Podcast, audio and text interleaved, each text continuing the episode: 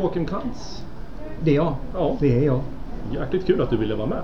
Ja, men trevligt att vara här. Det är kul att kolla in nya format. Ja. Podd är en ny värld för en person uppvuxen med vinyl och kassettband. Jag kommer släppa den på vinylplattor också. Ja men det, det är bra, det gillar jag. Då kommer jag ju köpa. Jag kommer köpa nästa eh, steg då när det har blivit eh, andrahandsmarknad av det. Det blir klockrent. Eh, sånger i Hammerfall. Mm. Ska man, kan man även säga frontfigur också? Är det du som är ansiktet utåt egentligen? Eller? Ja, men det är väl egentligen både jag och Oskar tillsammans där som, som står en, i, i en enad front. Vi har väl på något sätt liknat Hammerfall vid en diktatur på två. Det är, Ja, för ni två är de som är kvar på från alla plattorna. vi har varit på samtliga skivor, ja. Fredrik kom ju tillbaks efter... Han lämnade ju skeppet precis när det skulle ta, ta fart och kom tillbaks när det började sjunka, brukar vi säga. Så att han har ju missat allt det roliga. Ja, ja. har han gjort. Men, nej, det stämmer, jag och Oskar är de som har varit både den kreativa sidan av bandet och den så att säga, visionära sidan. Mm. Eh, vilka är Hammerfall för de som inte känner till riktigt vilka de är? Ja... Du tänkte som vad Hammerfall är, vad bandet Hammerfall är för någonting. Ja. Inte vilka galningar som... Allt möjligt. Gömmer sig under. Allt kul är Alltså Hammerfall är bandet som vägrade vika en tum från sina ideal när det begav sig på 90-talet. När folk kom och sa att varför spelar inte musik som folk vill höra? Nej, för att vi spelar musik som vi vill spela. Och så enkelt är det. Och det borde ju stå till... Så borde det vara för alla människor i alla lägen. Ja. Varför följa en trend när du kan skapa en egen? Och för det har man fått väldigt mycket eh, ris och ros. Stundtals väldigt mycket skit fick man där när det, när det slog igenom på riktigt och folk tyckte att det här var inte alls eh, bra för att de tog inte det vi gjorde seriöst. Och då blev vi mer eller mindre hanterat som ett plojband för många. Så att säga. Men det är också att vi har, det är 20 år nu sedan vi släppte debutskivan. Och vi har ju inte vikt en tum ifrån våra ideal. Och rent musikmässigt sett så har det kommit trender, det har gått trender, det har kommit nya trender. Det har kommit band. Det var band med när vi började som vi inte ens kommer ihåg idag, så att säga. Men ändå så står man, så står vi där enad, enade tillsammans då mot, inte mot alla andra för det är ingen tävling heller. Nej, Utan det är det som är så jävla kul också att, att man åker runt och spelar man gör det ju tillsammans. Vi vill ju att den här genren ska överleva även nästa dipp som vi kanske ser just nu. Mm, mm. För nu är det inte så självklart längre att det är metalband på de stora festivalerna utan att metal har blivit ganska nischat Ja. till egna festivaler som kanske på sikt också kommer tappa i popularitet. ja. För att de är inte rullstolsvänliga. Precis. Det är till vacker open air med rullstol vet du. Jävlar. Eh, om jag förstår rätt så Hammerfall bildades 1993. Mm. Som start, och du kom dit 1996. 96. Och då flyttade du ner till Göteborg som jag har förstått. Det Nej, jag, nej, jag bodde i Göteborg. Du bodde i Ja, Göteborg? ja. Jag flyttade ner till Göteborg 1984. Gjorde jag.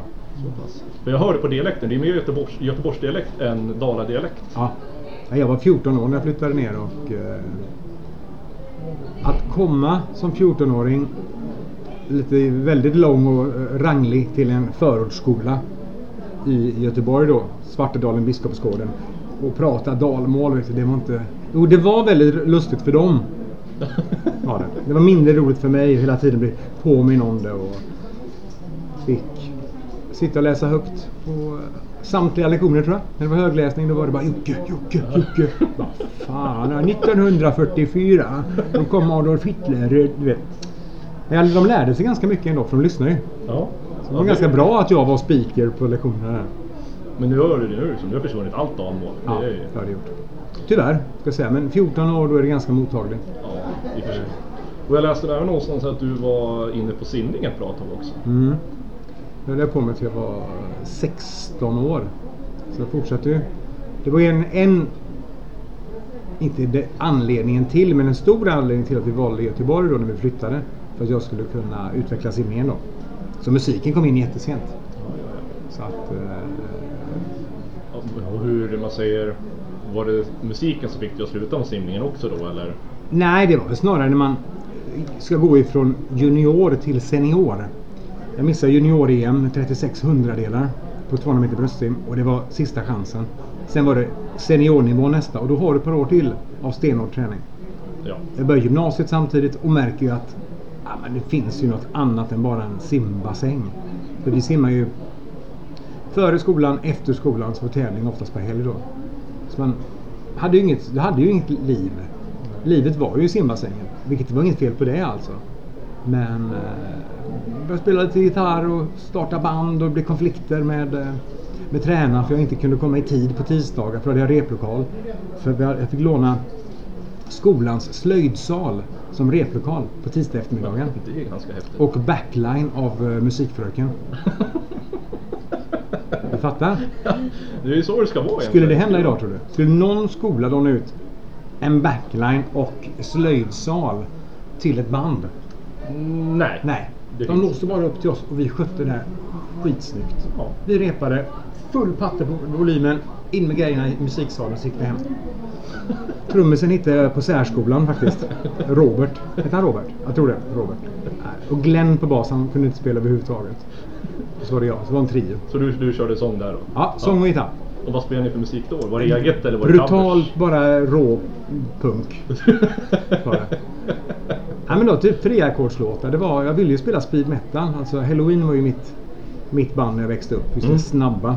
Det var så jag ville att det skulle eh, låta då. Men att vilja och att kunna är ju två skilda saker här. Och, eh, det var väl lite mer punk. Men det var jävligt kul. Och det är det som är det viktigaste. Då spelar ju inte resultatet lika stor roll. Nej, så Tycker är det. jag. Hur kom det sig att eh, det blev Hammerfall sen då? Ja, vägen dit var ju eh, ganska lång och brokig och som sagt den, den här genren var ju inte många som höll på med. Eh, Jag hade ett band i Göteborg som var med i som hette Highlander som senare blev Lost Horizon. Och de var ju med i fyra fem år från och till för jag var i USA och pluggade ett år också. Och när jag kom hem ifrån USA 94 så fanns det ju inga band att spela med. Vi körde lite Highlander men det var mer sporadiskt. Det blev ingenting. Så att jag hade i princip slutat. Och bestämt mig för att nu jobbar jag i en skivbutik. Det är faktiskt close enough i min värld. Att jobba med musik i alla fall. Och, eh, eh då fick jag ett telefonsamtal från Jesper Strömblad. Som eh, eh, bara frågade. Du, eh, våran sångare ska på turné. Vi har gått vidare i, i Rockslaget. Som är en, eh, eller det var en rockbandstävling i Göteborg. Och vi behöver någon som hoppar in istället för honom. Har du lust? Jaha, ja. Fan, vi tycker du är skitbra. Vi har sett dig med Highlander. Och, så de hade följt min väg då med Highlander. Och jag var inte så bevandrad i dödsmetallscenen. Men dock har jag jobbat på en, en klubb i Göteborg som, som arrangemangsansvarig. Så jag hade ju stött på alla de här killarna, alla dödsmetallarna då. Och det var ju bara dödsmetallare i Hammerfall. Mm. Mm. Så, så var det ju. Så att eh, jag sa, ah, fan, tre låtar kan jag ställa upp på. Så nu är du kvar fortfarande? Ja. Sen är man kvar. Det är ju de här, du måste ju ha magkänslan och säga ja eller nej vid rätt tillfälle. Mm. För det kan bli så jävla förödande om du väljer fel. Men eh, jag kom till deras replokal. Det låg i någon missionskyrkekällare som det ofta gör. Eh, och hör någon som står och spelar en melodi på gitarren. Och bara går fram och det är Oscar då. Dorian Gray, Stormwitch. Och han tappar ju hakan. Känner du till Stormwitch? Det är klart jag gör. Har alla skivorna. Har du Eye of the Storm? Ja, men jag har allihop. Så där connectar vi ju direkt då. Ja, ja. Och vi har alltid sagt att när man ska beskriva Hammerfalls influenser då blir det inte så mycket Maiden och Priest och de här stora banden utan att ja, men det är Warlord, Stormwitch, Picture, Pretty Maids. De betyder lite mer. De stora banden, absolut. Men de här små obskyra, det är de som var roliga att hitta. Mm, och är komma till plugget med och bara Har du hört det här? Det var som jag hörde Yngve första gången alltså. Mm. Jag var ju helt såld. Där har vi ju en eh, gitarrist utan dess like. Ja. Och Faktiskt. efter jag lyssnade på hans sommarprat så insåg jag att det är ju faktiskt han som har betytt mest av alla för mig under min uppväxt och som har format mig som musiker för att jag ville ju bli gitarrist. Jag ville bli Yngwie Malmsteen, inte som Yngwie Malmsteen, jag skulle bli Yngwie Malmsteen helt enkelt. Men som jag förklarade innan så var det mer punk. Jag bedrev. Ja, ja, Det ja. är därför jag faktiskt har startat ett punkband. Det också? Ja. Det är bara två än så länge, men eh, vi håller på att bygga ihop det här bandet då. Namn på det? Eh, eh, Just nu heter vi Migrän. Så det får tolka precis hur du vill. Ja, absolut. Men det blir, det blir svensk punk. Det blir blandat blir det. Det blir allt från oj-punk till punkversioner av Björn Afzelius-låtar. Blir det. Ja, det är rätt Och allt däremellan. Ja. Ja. Och jag spelar bas. Så du kör inte sång nu? alltså? Nej, det är aldrig i livet. Nej. nej, nej för fan. Usch, jag ska spela bas nu. Jag sa det någon gång för länge sedan att i mitt nästa liv ska jag bli basist. För då kan jag stänga varenda fest på turnén. Och det spelar ingen roll vad jag gör egentligen. Nej. Ursäkta alla basister men... eh, Ja, det Jag- ju jag att- tror de förstår vad du ja, menar. Jag tror de också förstår vad jag menar. Men innan turnén nu i, i eh, januari så eh, sa jag till mig själv att varför vänta till nästa liv när du kan göra det nu? För det finns inga, inga garantier kommer jag på att det blir något Ja. liv till. Precis. Så då lånade jag med en bas på turnén. Så jag övade en timme om dagen minst då. Och plockade låtar. Så att jag hade nog plockat ut sex, sju låtar när jag fick en inflammation i axeln. Överansträngd punkaxel fick jag. Så jag har fortfarande lite ont. Jag har inte repat på en månad nu.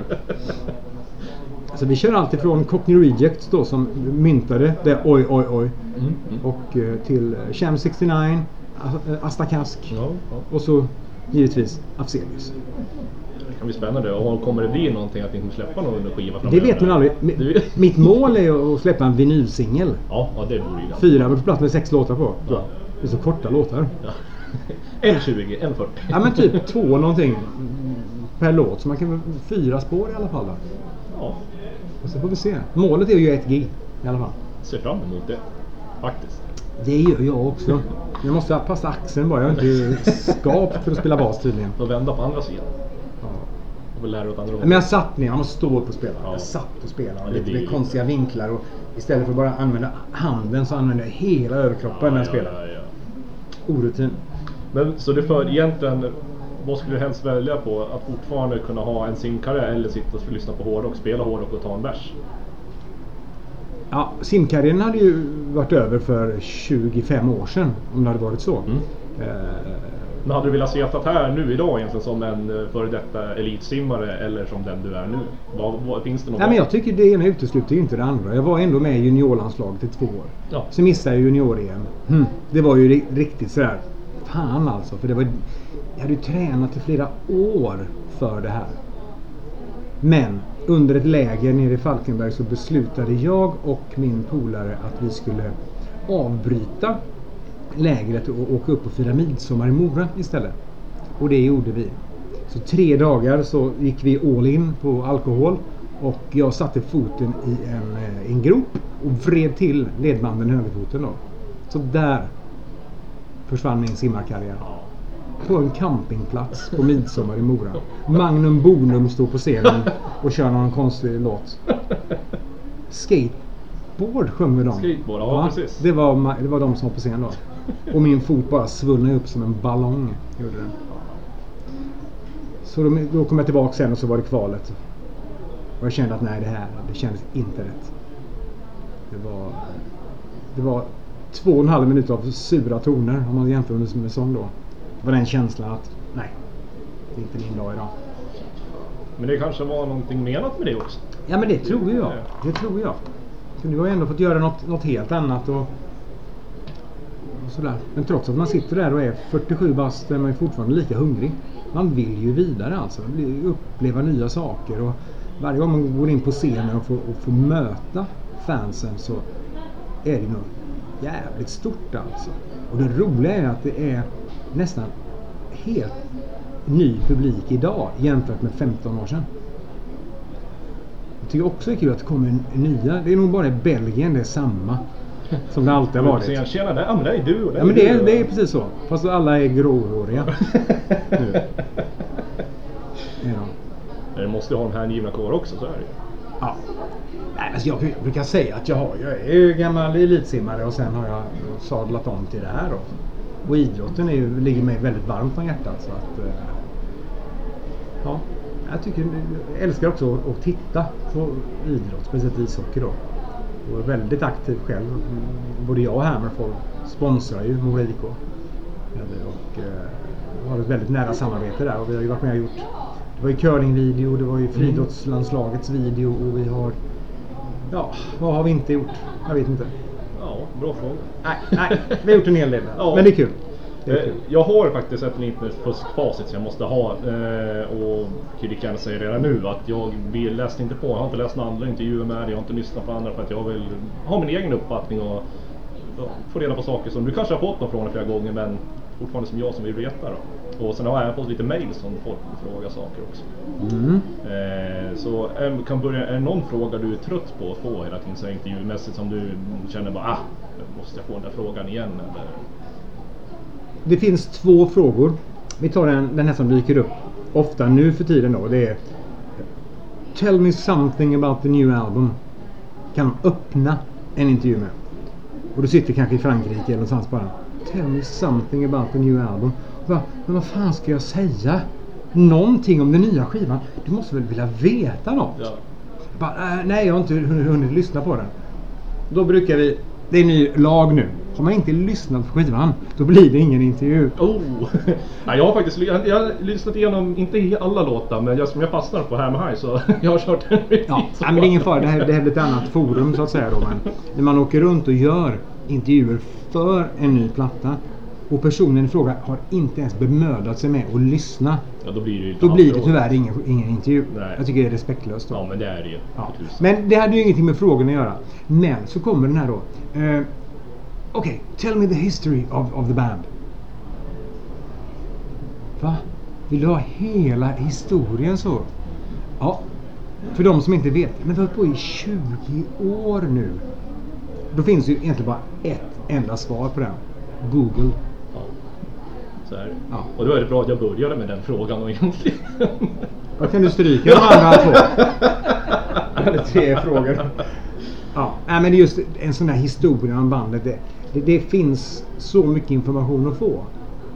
Och de här standardfrågorna kan ibland vara ganska tråkiga. Och det är de här som är lite udda som är roliga för mig. För man måste väl någonstans så som, som journalist eh, vilja hitta en vinkling som gör det intressant för båda parterna. Så man får den här dialogen och man får en diskussion. Mm. Mm. Inte bara gå 1, 2, 3, Nej, 4, precis. 5, 6. Så Det, roligaste som har hänt. Vi var i Italien, eh, tio år sedan.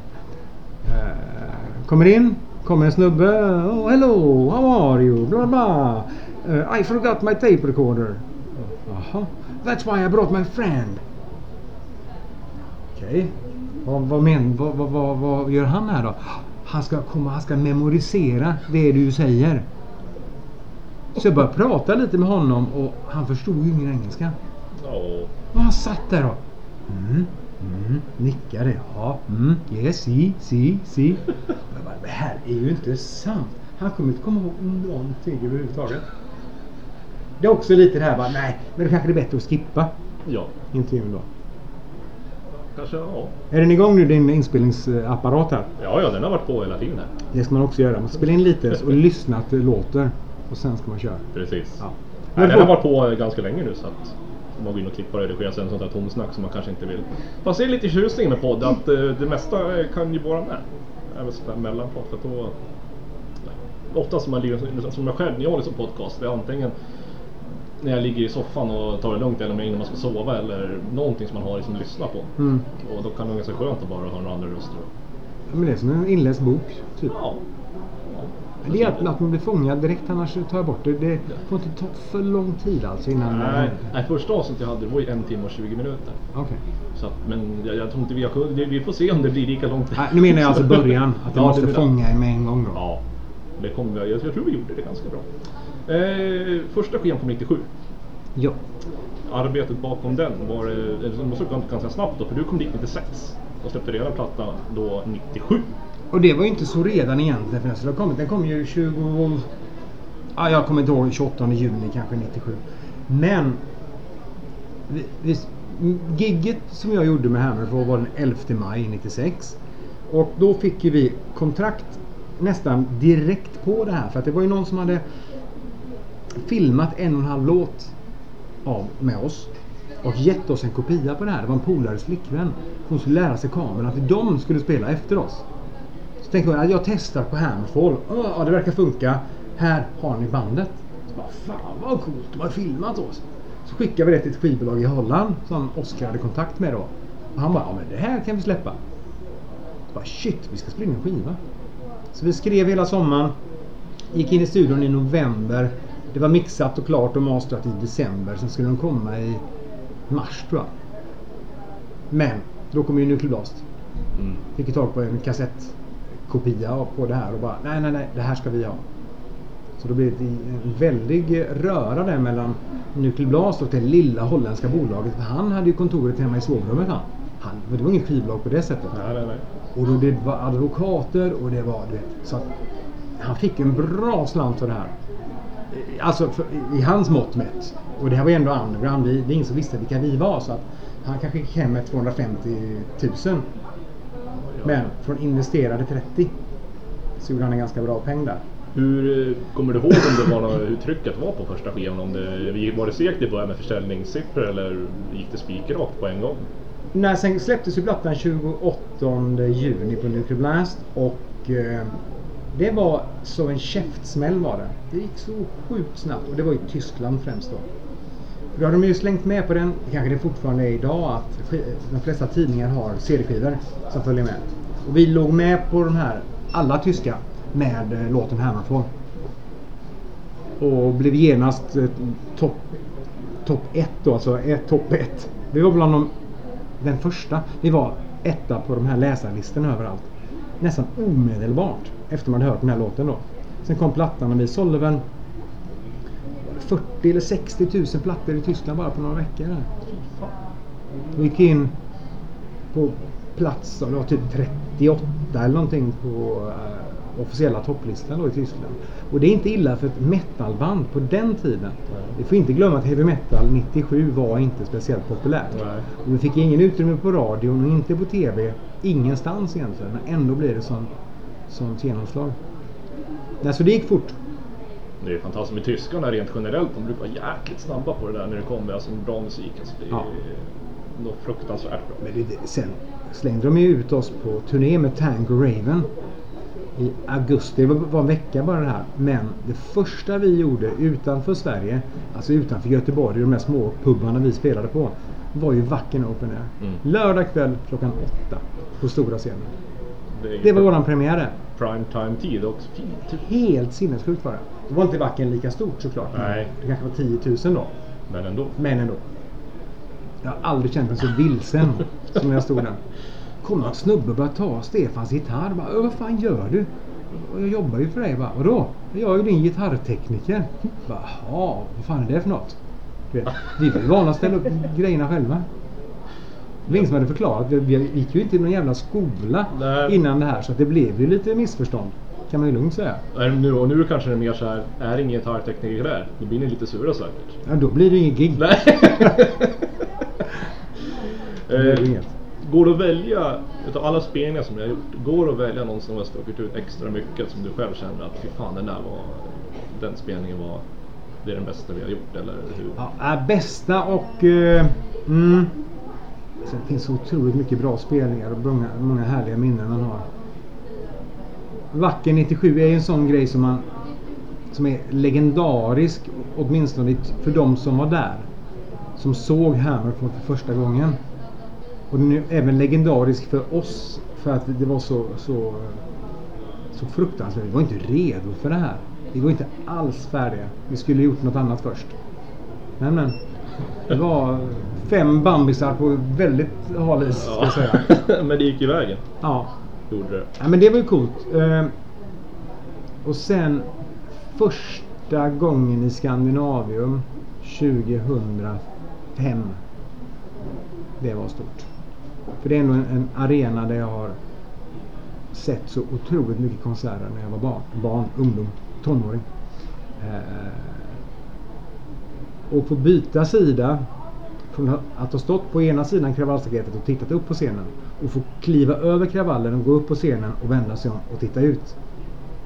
Det var stort. Det måste ha varit en fantastisk känsla.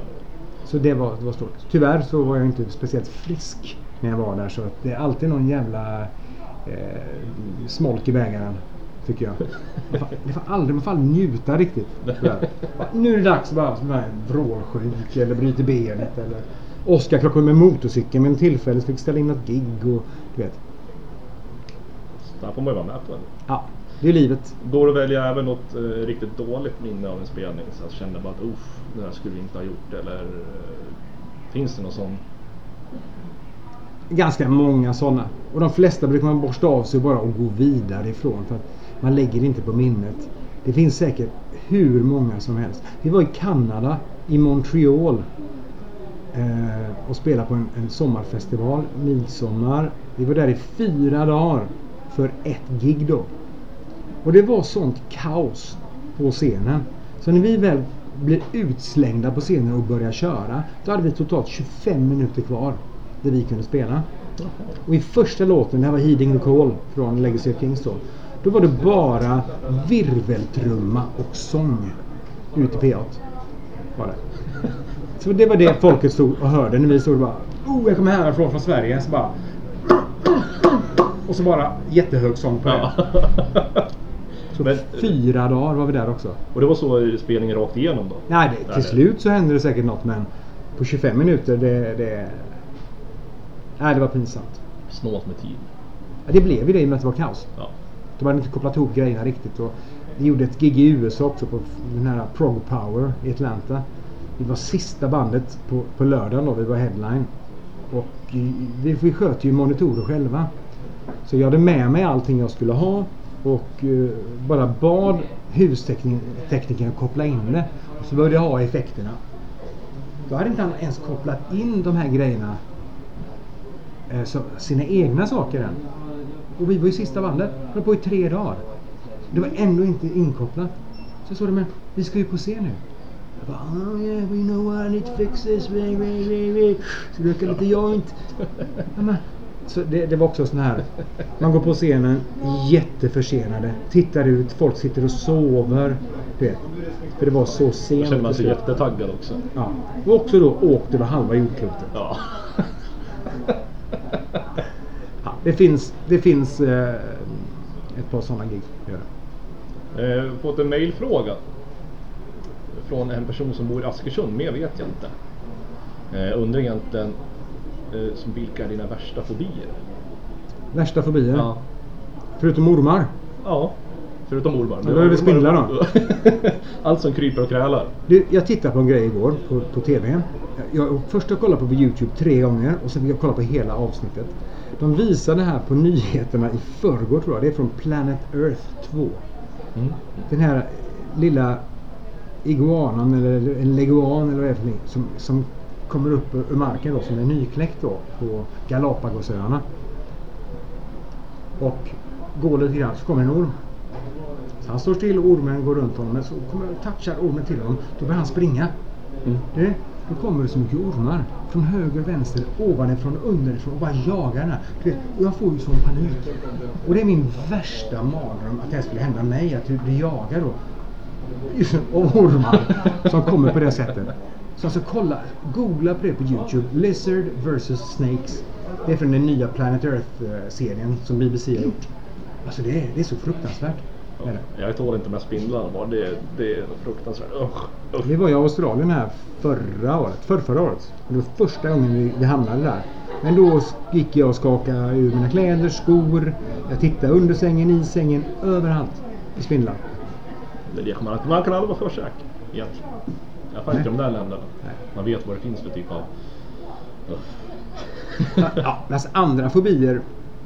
Eh, nej, ganska höjdrädd och så. Men... Eh, jag är ganska... Vad heter det? Skrockfull däremot. Mm. Det är ju en helt annan sak. Ja, det är det. Men det måste ju vara på samma sätt. Så du lägger inte nycklarna på bordet? Eh, det händer. Ja. Det gör det. Men jag måste ju sjunga upp. Jag har gjort samma sak i typ 20 år. Jag har lagt till en grej nu. Samma tid också. En timme innan gig. Äta tre timmar innan. Börja värma upp en timme innan. Förr drack jag en halv Red Bull. Men det kom jag på, det fick jag bara hjärtklappning av. Så att nu dricker jag en halv Cola istället. Byter om. gör den sista uppsjungningen innan gigget då. Och det är exakt samma. Du brukar sova i samma säng på bussen också. Längst bak, längst ner till vänster. Och om du skulle bryta det här mönstret då kan det nog kanske gå åt skogen. Ja, Har du någon gång varit, har du brutit det mönstret någon gång? ja det är när man är jättesen till festival till exempel. Man står och sjunger upp någon garderob på bussen. Och så bara in och köra. Ah, Det funkar. Det är inte optimalt för att då är du också uppe, oftast har du hög puls. Och eh, har du hög puls och är du stressad, då sjunger du oftast fel. Då blir du ganska trött Mm. snabbt. Tänkte vi skulle köra mitt i alltihopa så här, en eh, låt från eh, nya plattan. Mm. Eh, jag har valt ut Hammer High. Mm. Skulle gärna vilja höra lite grann om den låten. Hur den kom till. För att den är ju sagt, alltså om folk inte har hört den, alltså gå in och lyssna på nya skivan bland annat. Men just den här låten är ju så, det är ju som ös i den. Så den är ju maffig. Det är ju ingen låt som, du, som lämnar någon oberörd som har lyssnat på den. Så vi höra den som inte nynnar på den efter ett par lyssningar. Du själv sa att det är sån här earworm, öronmask som Ja. det heter. Du blir inte av med skiten. Nej. Nej, den sitter på hjärnan på mig fortfarande. Ja, det roliga är ju med titeln lite grann. Det var Oscar som propsade på det att äh, men Hammer High, det passar så jävla bra in här. Ja, men vi har ju Hectors hymn på förra skivan. Där vi sjunger Hammer High i refrängen. Mm. Hammer High to the sky. Ja, sa han, vet du vad? Vi får fan bjuda på det. Och det är ingen som har sagt något. Nej. Så det vart ju oftast är det- bra. Ja, det, det blev bra. Det är skönt det med vi la till trumpattern i början så Ja. man får lite sån här lite, lite feeling och så bara en käftsmäll igång så. Det var ju så, ja, fy fan. Alltså jag, fick, jag hörde nog första gången jag fick nästan, alltså det var ju rysningar rakt igenom för att jag, alltså jag vart helt... Mm, men det är Ja, kul. det var- Jag är så jävla stolt att det, hela plattan blev bra. I och med att det här är album nummer 10. Mm. Och det är inte ofta, det är inte många band som kanske har lyckats det är väldigt många som tycker att vi låter exakt likadant. Men då, de har ju bestämt sig för länge sedan. Jag tycker ju någonstans att det vi gör ändå att det vi uppdaterar ju oss själva hela tiden. Ja. Att det blir fräschare och... Men fortfarande kan det vara positivt att ni håller ändå samma spår. Att ni inte banar iväg som många andra band har gjort. Jag vet att jag till exempel, ja nu ska vi ta ett eh, kort ur hatten där, men vi kan ta till exempel Guns N' Roses. Där de kom med Chinese Democracy-plattan. Det var liksom bara Mm. på en gång för det var för mycket. Det, det var inte dem liksom. Möjligtvis om ni också hade gjort en sån här sak att ni liksom hade gått helt från ert spår. Då hade det... Men vi, vi åkte ju på en sån grej på Infected-plattan när den kom. Och det handlar inte så mycket om att det var, vi hade ändrat musikstil. Men det var förpackningen det var fel på. Mhm. Våran krigare Hector var inte på omslaget. Nej, nej, nej. Och vi hade vanliga kläder på oss, lite mer slitna jeans och skinnjacka. Mm. Och inte scenkläder i Hammerfall-manér då. Nej, nej. Och då dömde de ju plattan efter omslaget. Och trots att det som jag tycker är en av våra starkaste plattor rent låtmässigt sett. Så fick den så mycket skit. Och det får den än idag. Alltså folk bara nej nej nej. Det- här var ju plump i protokollet så. Okej. Ja, men vi, får, vi gör så, vi får köra Hammer High så får vi väl se vad de, vad de som inte har hört det tycker om. Ja men precis. Och om de inte tycker om den så kan de väl lyssna på den en gång till då. Ja, men precis. Kan de göra. Och sen kan vi väl se om de nynnar på den eller inte.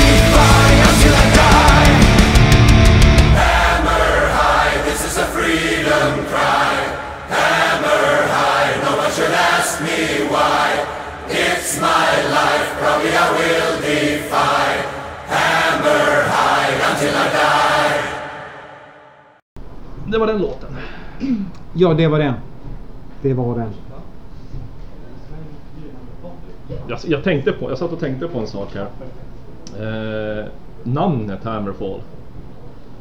Eh, det, det, är, är det vikinginspirerat inspirerat säger Tor de här? Alltså Rent procentuellt mässigt då, från 0 till 100, Ja. så är det 0 procent. Det är noll. Det är 0 procent Tor och Vikingarna. Hur kommer det sig just namnet Hammerfall? Eh, ja, det får vi nästan ringa upp Oskar Dronjak och fråga honom. Men han ville ju ha ett namn som var slagkraftigt. Ett namn som var lätt för... Han hade väl någon form av vision att det skulle komma någon på konserterna när de spelade då. Som alltså Hammerfall. Ja, Eh, AC, DC. Alltså det, det blir svårare. precis. ja, så Men här- det är, det är lite klang i det. Ja men precis. Och att det, det skulle dofta heavy metal och det skulle vara väldigt tydligt. Så att han ville sätta ihop då Hammerfall. Det tillsammans blir jävligt slagkraftigt då. Amerikanerna har inte lärt sig att vi heter Hammerfall och inte Hammerfall. De gillar ju att dra isär. Precis. Även nu när vi åker över så är det vissa klubbar då som har går ut med att Hammerfall kommer. Sen finns det ju lite andra historier vad, vad det beror på. Och, eh, vi har ju en låt som vi vi bägge två gillar väldigt, väldigt mycket. Och det är ju Lucifer's Hammer med Warlord. När de sjunger The Hammer will fall on you. Och ja, jag vill väl någonstans tro att inspirationen kommer just ifrån den låten då.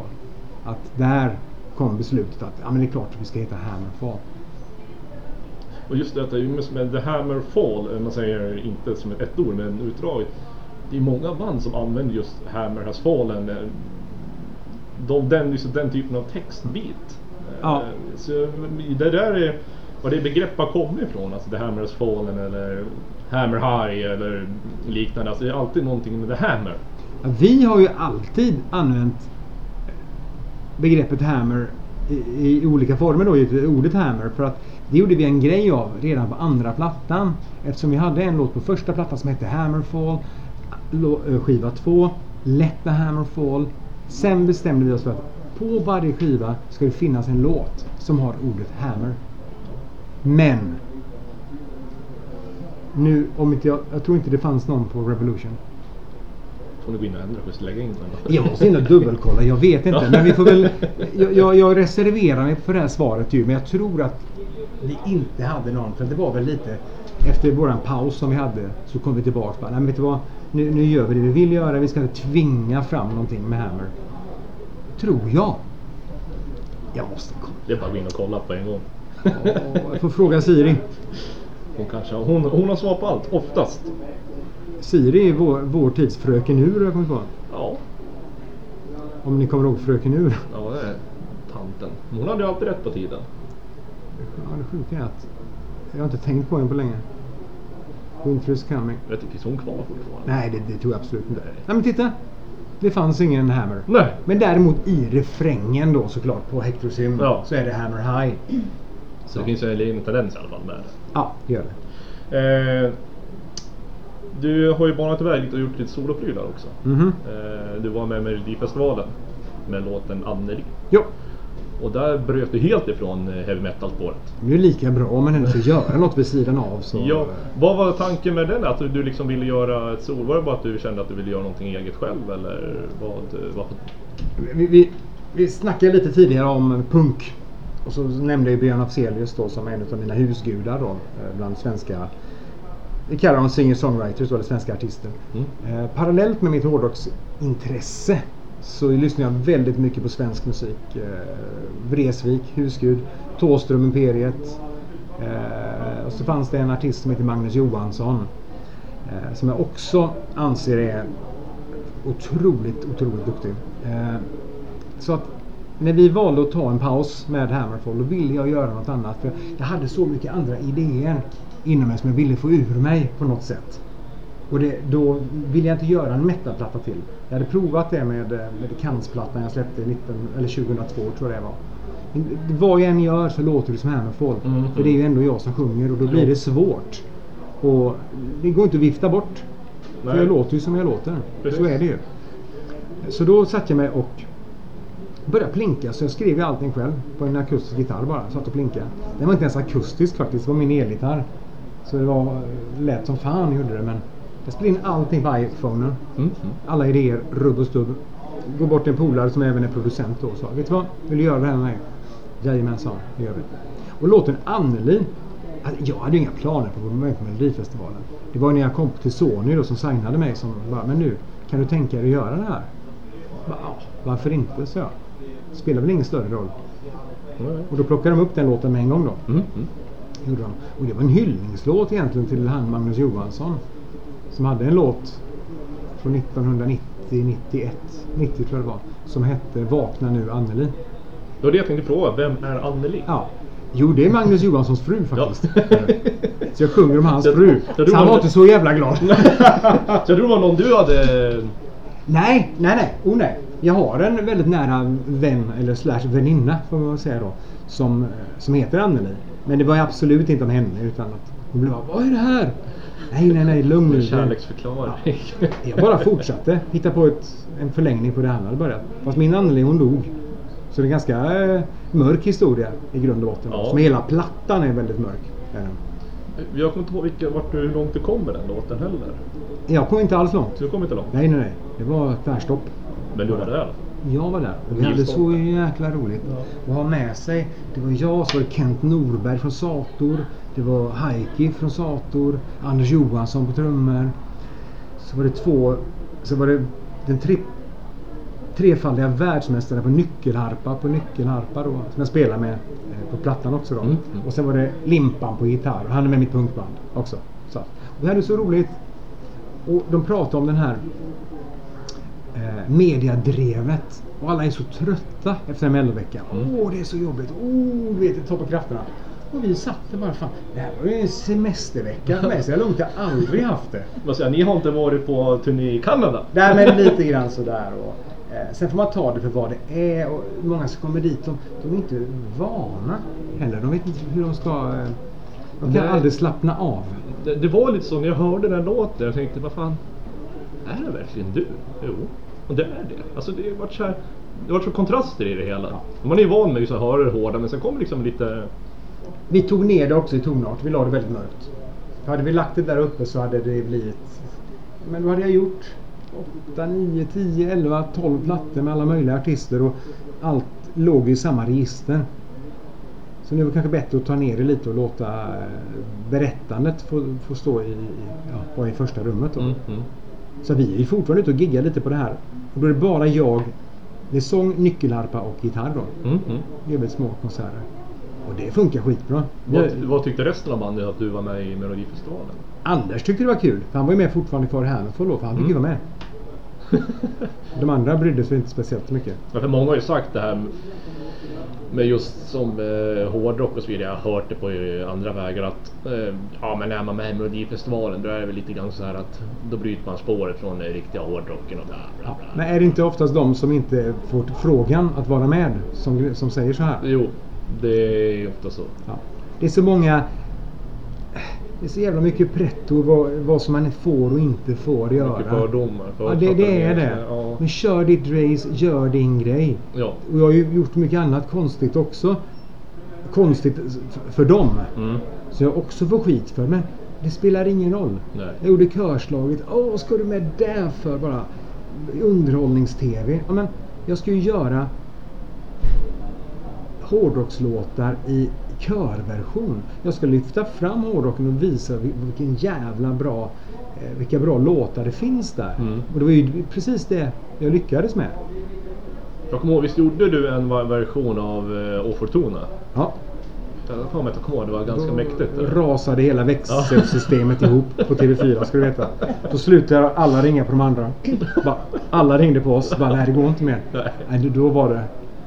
Äh, fan vilken grej alltså. Men eh, jag har sett lite grann, jag skulle kolla runt lite grann på forum och sånt där angående just Melodifestivalen.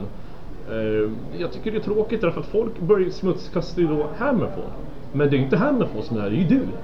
Ja, men vi har Så fått så där mycket blir skit liksom- redan innan så att det spelar inte så stor roll utan att mm, jag är också så förknippad med Hammerfall. Så Mm. är det ju. Jo. Men vi fick ju en motståndsrörelse emot oss helt enkelt i och med Renegade ska jag säga, i den vevan. Och då var det som värst. Mm. För då... Alltså det här med att beskylla någon, inte beskylla heller, att när man blir kommersiell, att det skulle vara någonting fult. Så att om du skriver musik, du släpper en platta som folk tycker om Mm. och många går och köper den.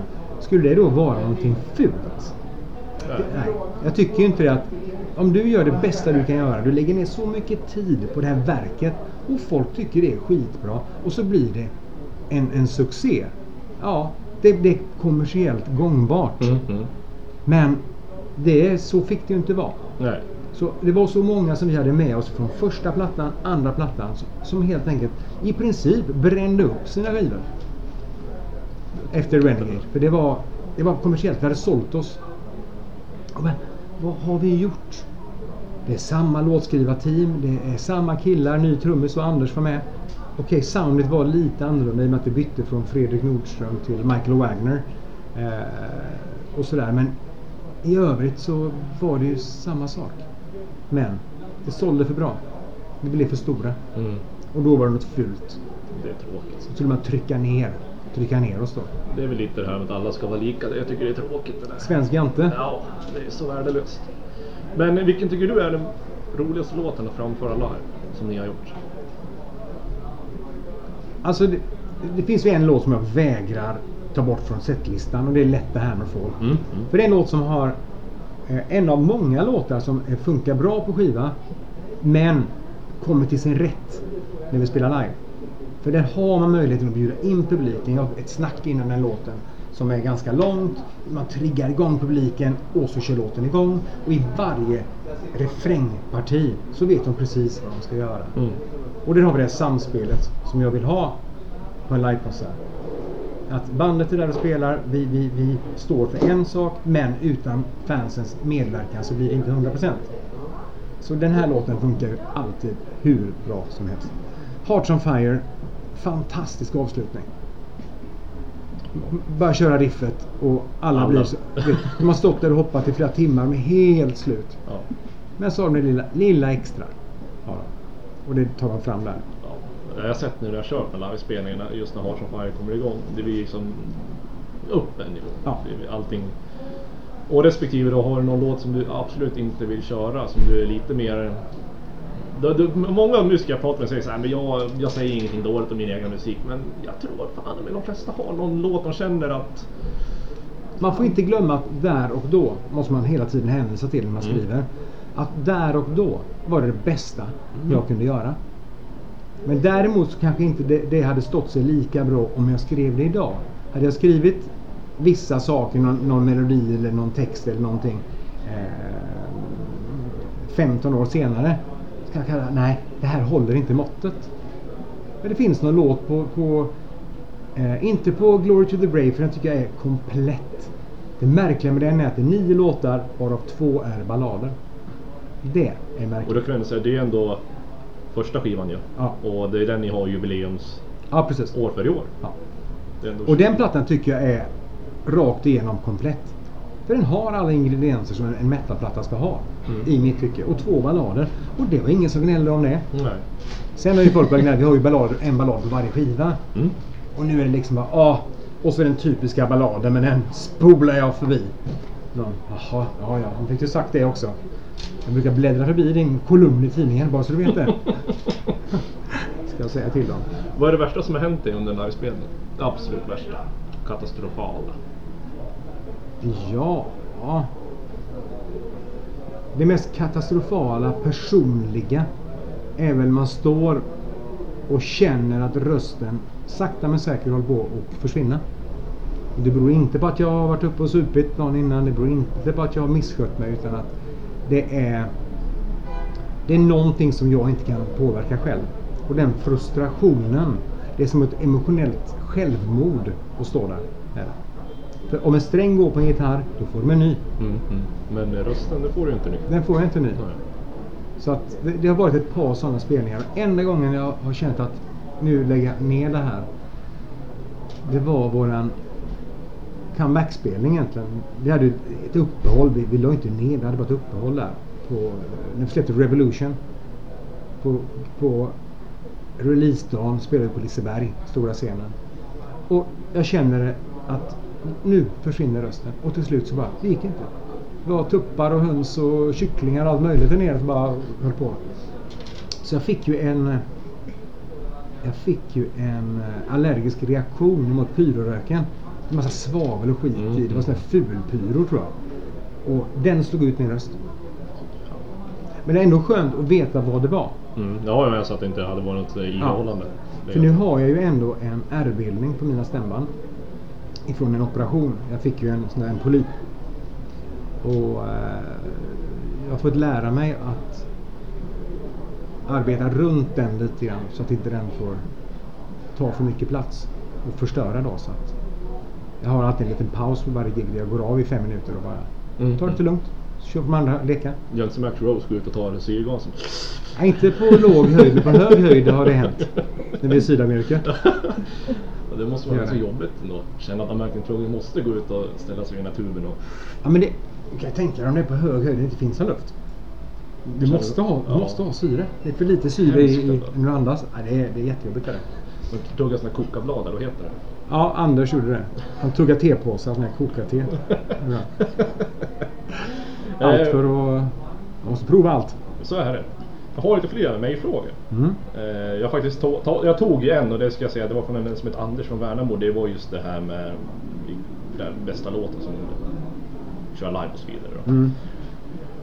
Eh, sen en som heter Marie som kommer från Stockholm. Så om hon lyssnar nu så kan väl berätta. Vi sitter faktiskt inne i eh, på Kungsgatan inne på Telia. Vi sitter i en Telia-butik här gör vi alltså. Det, det går bra nu. Förr satt man på någon krog någonstans och drack whisky. Men nu så. Nu spanar in nya iPhone här genom... Och dricker kaffe. Ja, precis. Nej, hon undrar, har någonsin varit för full för att gå upp på scen under din karriär? Eh, det har hänt en gång att jag har eh, druckit lite för mycket. Men det var ett gig som vi inte skulle spelat på egentligen utan vi blev bara tillfrågade. Mm. Och gaget var en back öl. Oh. Och den valde vi att dricka innan gig. Men jag var inte så full så att jag inte kunde sjunga. Men problemet är när jag dricker att jag vill lite för mycket. Och då, då, då mm, det? jag misshandlar rösten lite grann så då Ja. orkar jag inte så mycket. Men vad jag gjorde var att det var nästan inget folk heller. Nej. Och som jag sa, det var inte vårat gig. Så vi, vi hoppade bara upp och körde. eh, så var det en kille framför scenen som var alldeles lyrisk när vi spelade då. Vet, Det här var innan plattan släpptes. Innan första plattan hade släppts. Nej! Jo, det var det. Skitsamma. Då står jag då står jag på scenen, ser honom hoppa omkring där nere och jag blir så exalterad. Bara, jag ska ner och röja med honom. Så jag hoppar upp. I den sekunden hade jag ju glömt bort att... Vad sa de till mig innan jag gick på scenen? Se nu för fan till att inte slå, i huvudet i träbjälken. Då var det alltså en träbalk precis ovanför mitt huvud. Och det funkade, jag stod och sjöng. Men så ska jag hoppa ner, ta fa- sats och hoppar upp då.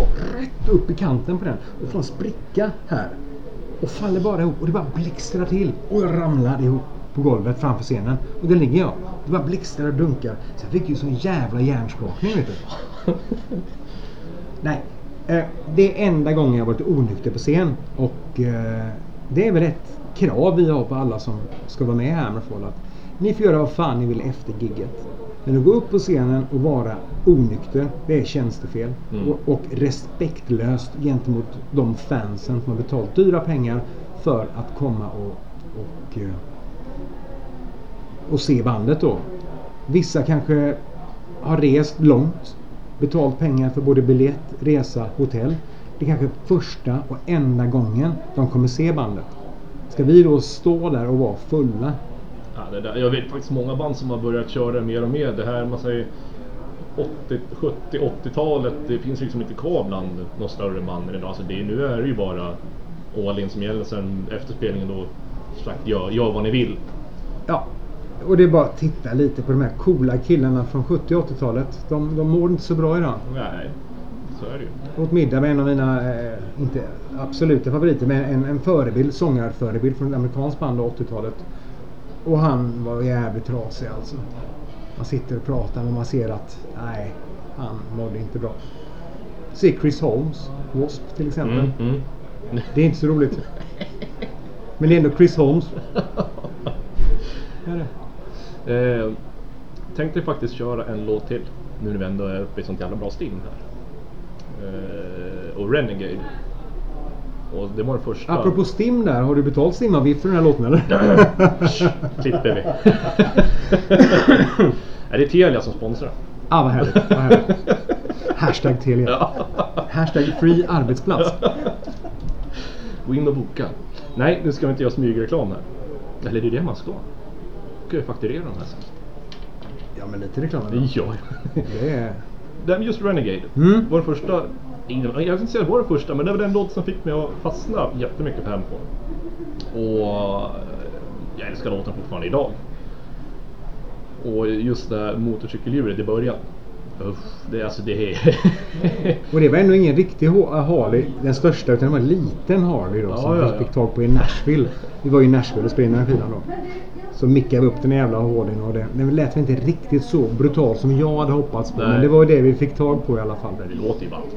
Ja men det gör det. det, gör det. Alltså det här, den här låten är väl den viktigaste låten vi har. Det- var den här låten som verkligen gjorde att vi, det tog fart i Sverige. Och det var det här eh, videoprogrammet som hette Videotopplistan. Voxpop Voxpop ja. hette den. Mm.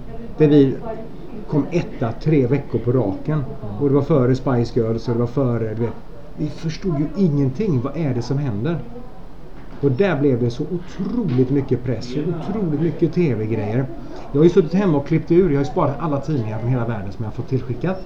Så då klipper jag ut allt som har med oss att göra. Så har jag såna här A3 eh, pärmar där jag lägger in det.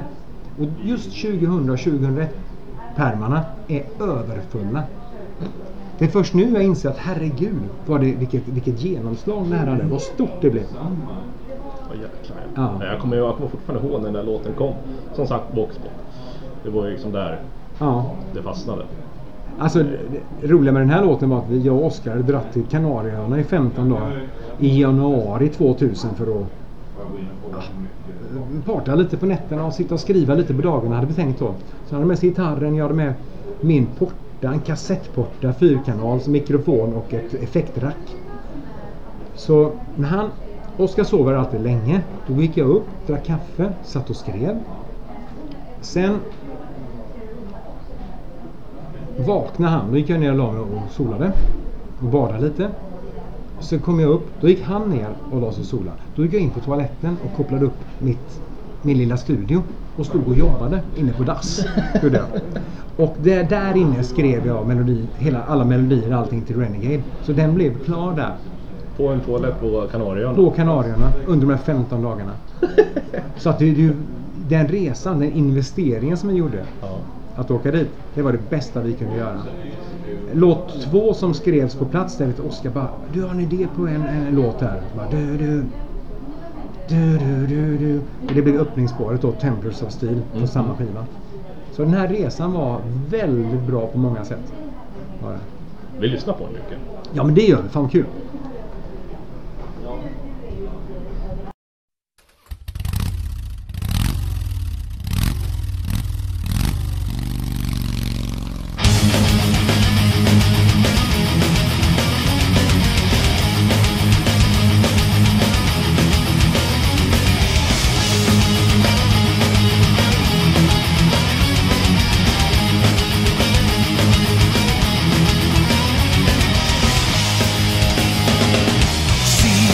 just dance.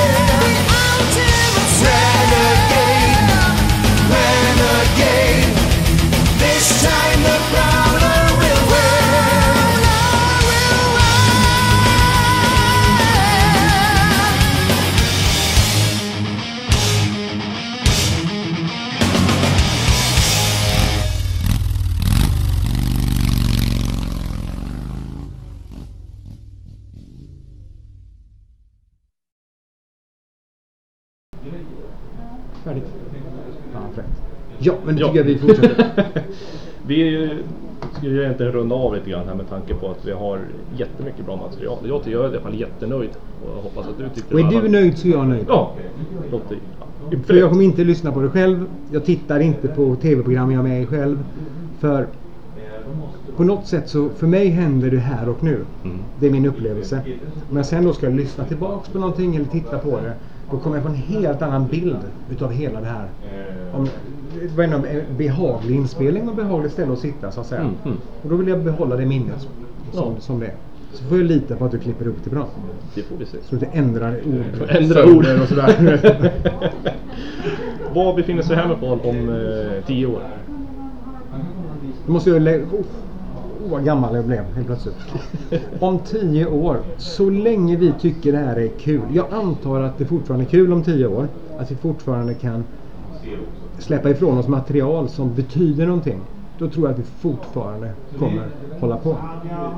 Den dagen det inte är roligt längre, den dagen jag känner att nej, jag har inget mer att ge. Då kommer i alla fall jag säga tack och hej Mm, mm. och göra någonting annat som är mer väl lämpat för en man i min ålder. Det blir du och Putte Wickman. Ja, men alltså det måste ju vara kul för annars finns det ju ingen anledning att hålla Nej, det stämmer ju. Då går man ju egentligen bara ner sig själv. Ja. Det, det stämmer ju. på. Vi tog en paus. Och där handlar det mycket om att hitta tillbaks till den här glädjen som, som det var i början med att spela ett band. Men varför spelar man ett band? Jo men det sociala, det är kul. Precis, det är det vi ska hitta. Det får inte bli att Alltså pengarna får aldrig vara en drivkraft. Nej. Pengarna är ett nödvändigt ont. Att du måste ju givetvis ha, kunna skicka in en faktura efter ett gig för att betala räkning, betala eh, hyra och barnen går i skolan, de har fritidssysselsättningar, det är julklappar. För det är faktiskt de pengarna jag använder till det. Så är det ju. Ja. Men det får ju aldrig vara drivkraften utan det Nej. måste ju själva musiken. måste finnas en glädje i det också. Absolut. Sen får allt annat komma som en, en ren bonus. Hur ser sommaren ut för er nu, eller det här året? Det- Ni har ju den här jubileums... Ja, vi släpper ju plattan. eh, Jubileumsplattan kommer här i eh, månadsskiftet juni-juli. Mm. Men vi är ju mitt uppe egentligen i eh, brinnande turné här. Vi avslutade Europaturnén Mm. och åker över till Nordamerika nu i mitten av april. En månad. Sen är det bara hemma en vecka och sen startar ju festivalsäsongen. Och där har vi, ah, kan det vara 8, 10, 12 festivaler inbokade. Sen kommer vi göra en sväng i Sverige. Jag tror att det blir fem gig här i eh, november. Men då kommer vi inte göra de här eh, som när artister kommer på Sverigeturné och spelar i Stockholm och Göteborg. Så har de inte sett så mycket då. Så vi, vi hoppar över Göteborg och Stockholm och gör eh, lite mindre ställen Mm. helt enkelt. Det är ku- kul att ni, alltså, ni åker runt på småställen. Jag vet många band som har börjat göra det mer och mer. Från Stockholm och Göteborg, där samlas ju... Ja, det är klart, det blir mycket folk, men alla kanske inte får chansen att se. Nej, och det händer ju något i storstäderna hela tiden. Ja. Så folk orkar ju inte. Nej, nej, nej. Vi ska spela i Lycksele. Det är det som är längst norrut. Ja. Det är Lycksele. Och sen kommer vi spela i Malmö. Som är längst söderut Mm. då. Då tycker jag ändå att då har vi varit i ytterligheterna. Kommer ni att komma till Västerås? Eh, det kommer vi inte göra. Får bli ändring på det. Ja. Vi hinner inte med så mycket. Vi har ju valt också att göra... Det har lite med strategi att göra. Vi får inte spela för nära eh, Falun. Eftersom vi gör Sabaton Open Air. Ja, ja, ja, det är ju så. Ja, ja just det. Och där ska ju även eh, min tidigare Tobbe Englund vara med och göra, köra med sitt nya band. Ja, just det. Jag såg det. Så eh, får vi se. Vi kommer säkert springa på varandra där också. Jag kommer vara där och springa nämligen. Så. Ja, jag ska ju dit och sjunga, tänkte Ja. jag. Eller något, vi får se. Eller något, vi får se. Det är helt annat, vi får börja trolla istället. Springa jag. Fan, ja, ta med löparkläderna Ja. Joggingdressen. Nej men jag är jättenöjd över det här. Mm, härligt. Tusen tack för att du ville komma. Så, Kul att vara här. Ja. Så, Du fick testa free arbetsplats på Telia. det kommer reklam. Det blir skitbra. Men eh, så hoppas jag att vi syns i sommar också. Det gör vi. I alla fall vi. på Falun Open. Air. Gott. Tack så mycket. Tack själv. Hej.